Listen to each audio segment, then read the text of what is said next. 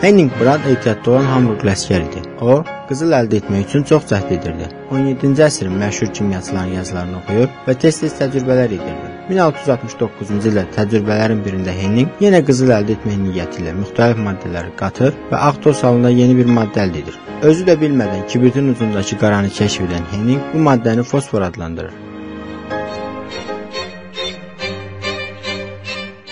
Nəhayət 1826-cı ildə ingilis kimyaçısı John Walker təsadüf nəticəsində kibritin ucundakı fosforu kükürdlə əvəz etməyə nail olur. O müxtəlif maddələri ağac hissəciklə qarışdırırdı.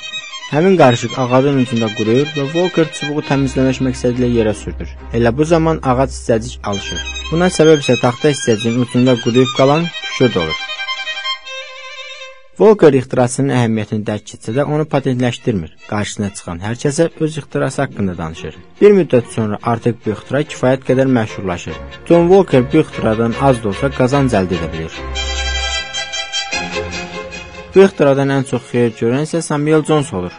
O bu kibritləri Lucifercik adlandıraraq satışa çıxarır. İndiki kibritlərlə müqayisədə ölçü standartları olmayan bu kibritlər yanarkən pis qoxu verir və qığılcımları ətrafa yayılır.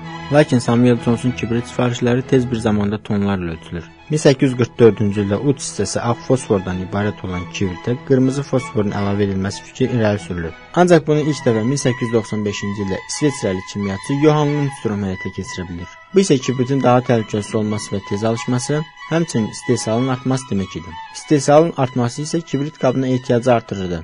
Nəhayət 1889-cu ildə Joseph Hughes kibrit qabını ixtira edir.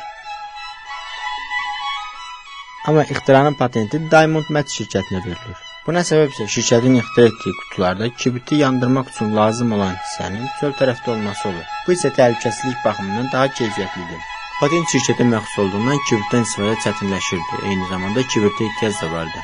Nəhayət ABŞ prezidenti William Taftın xahişi ilə şirkət patentdən könüllü olaraq imtina edir.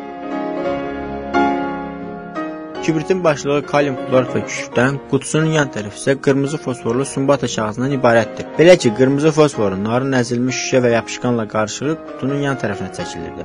Nəticədə biz kalium xloridli kibriti qırmızı fosforun üzərində hərəkət elətdirdikdə reaksiya gedir və alov əmələ gəlir. Kibrit yanan zaman isə onun temperaturu 750-800 dərəcə Selsi olur.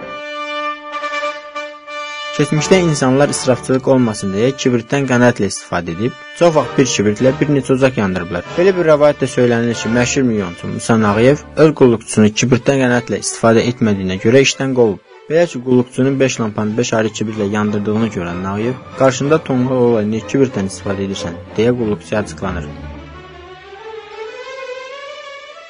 Hətta Lütfuzadənin atası Rəhim Ələsgərzadə də 1-ci Dünya müharibəsi zamanı kibrit alverlə məşğul olub və özünə yaxşı güzəran yaradıb. Elçin Əliyev